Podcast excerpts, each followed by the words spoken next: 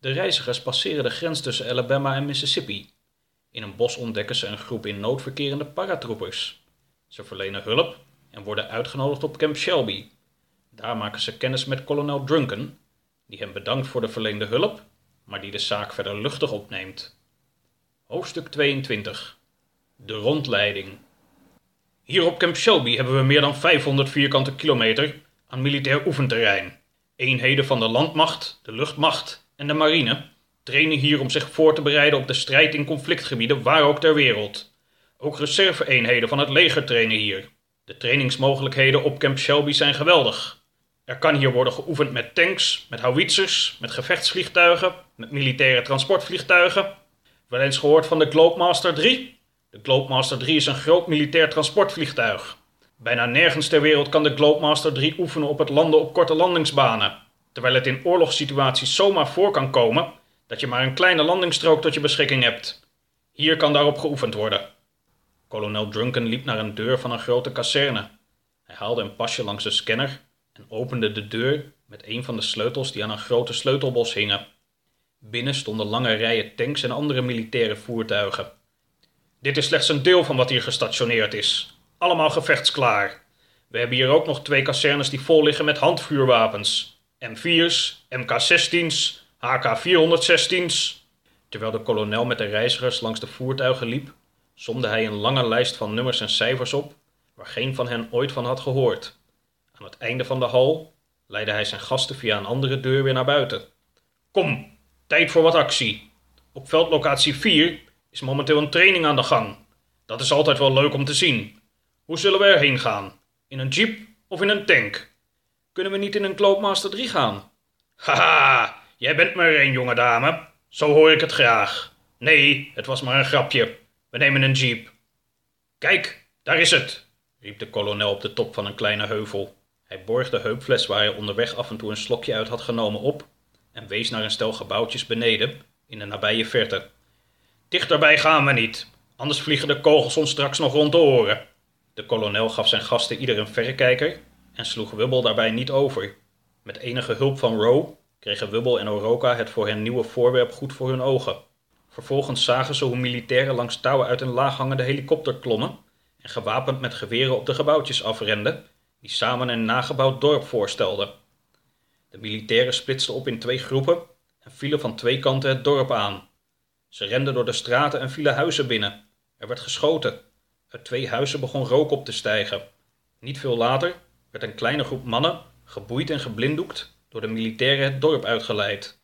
Dat was het alweer, vrienden. Altijd leuk om te zien, of niet soms. Maar toch niet te vergelijken met het echte werk hoor. Nee, daar komen ze nog wel achter. Mag ik u iets vragen, kolonel? begon Oroka, die het helemaal warm had gekregen van alle nieuwe indrukken, van al hetgeen kolonel Drunken vertelde en liet zien. Ik ben nog niet zo lang hierop, uh, hierin. Uh... Nou kijk, wat ik mij afvraag is: buiten Amerika, is het daar zo gevaarlijk? Buiten Amerika kan het zeer gevaarlijk zijn, orakel. Jazeker. Wij Amerikanen staan voor vrijheid en voor democratie. Dat is buiten ons land lang niet overal het geval. Dus moeten we strijden voor onze waarden waar dat nodig is. En zorgen dat we onze vijanden stappen voor blijven. Ik heb ook een vraag, zei Rowe. Heeft u wel eens iemand doodgeschoten? Ha! Jij durft wel, zeg. Twijfel je aan mijn daadkracht? Kolonel wordt je niet zomaar, hoor. En wat denk je, dat deze hier voor niets hangen? Kolonel Drunken wees naar de onderscheidingen op zijn brede borst. Goed, ik zal jullie een verhaal vertellen. Uit mijn tijd in Afghanistan, nu zo'n vijftien jaar geleden. Mijn kameraden en ik bevonden ons daar op een bepaald moment in een nauwe, gevaarlijke bergvallei. Die vallei was strategisch van groot belang. Hij kon ons een goede doorgang bieden naar een grote vlakte in het westen. Het probleem was echter dat onze vijanden dat ook wel wisten. Een grote groep van die wormen had zich verschanst aan de achterzijde van een dorp dat midden in die vallei lag. Aan de voorzijde van het dorp hadden ze over de hele breedte van de vallei een verdedigingsmuur gebouwd. Her en der hadden ze in de droge grond ook nog mijnen gestopt. Het was een ingewikkelde situatie. We hadden twee tanks, maar die mijnen vormden een risico. Onze gezagvoerders in het commandocentrum, vele kilometers weg, dachten na over twee opties. De ene was met een brede boog via de steile bergwanden om het dorp heen en dan van achteraan vallen. De andere was s'nachts over de muur heen klimmen en een vuurgevecht ontketenen. Ze kwamen er niet uit en ik begon me in toenemende mate te ergeren aan die besluiteloosheid. Ik ben een ongeduldig en nerveus mens, altijd al geweest. Maar daar, in die stoffige vallei, in die hitte, met dat gezeur over en weer, door van die krakerige satelliettelefoons, in zo'n vijandelijke omgeving, ik werd er niet goed van. Optie 1 vond ik niets, optie 2 vond ik ook niets.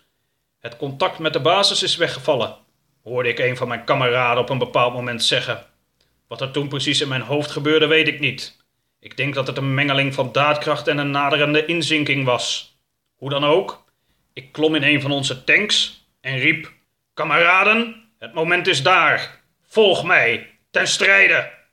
Met vijf tankschoten heb ik vervolgens die verdedigingsmuur in puin gelegd en ben ik dat dorp binnengereden. Daar heb ik verscheidene leme huisjes platgewalst en nog wat wilde tankschoten afgevuurd. In mijn zog openden mijn kameraden het vuur. Zo hebben we de vijand overrompeld. Geen van hen heeft het overleefd. En aan onze kant nul doden, nul gewonden. En volledige controle over de vallei. Sommigen van ons, waaronder ik zelf, hadden tijdens de aanval niet eens een helm op. Zo snel was het allemaal gegaan. Het had op een ramp uit kunnen draaien. Het had makkelijk mijn dood kunnen zijn. Maar in plaats daarvan heeft het me een hoop onderscheidingen opgeleverd. Interviews hier, interviews daar, een bezoek aan de president. Zo gaan die dingen. Zaten er geen mensen in die huisjes die u heeft platgewalst? Ik bedoel, onschuldige mensen? Of waren die daar niet?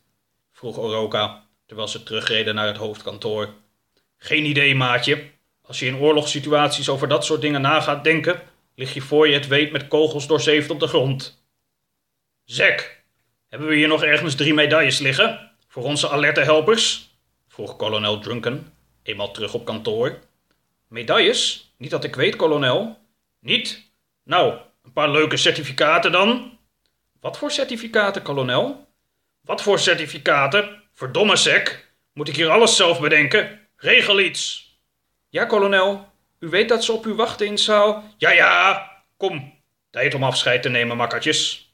Ik heb nog een vraagje voor u. En dat is? Nou, ik ben... Wij zijn... Ik wil gaan helpen bij de grens met Mexico.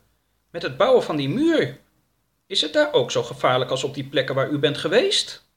De grens met Mexico? Haha, dat is niets vergeleken met echte oorlogsgebieden.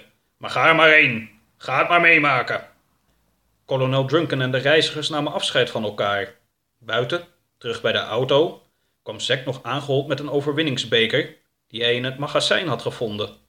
Tot zijn opluchting viel de beker in goede aarde. Terug op de weg, even buiten de militaire basis, zag Rowe dat er iets in de beker gegraveerd stond. Camp Shelby, militaire worstelkampioenschappen. Eerste plaats.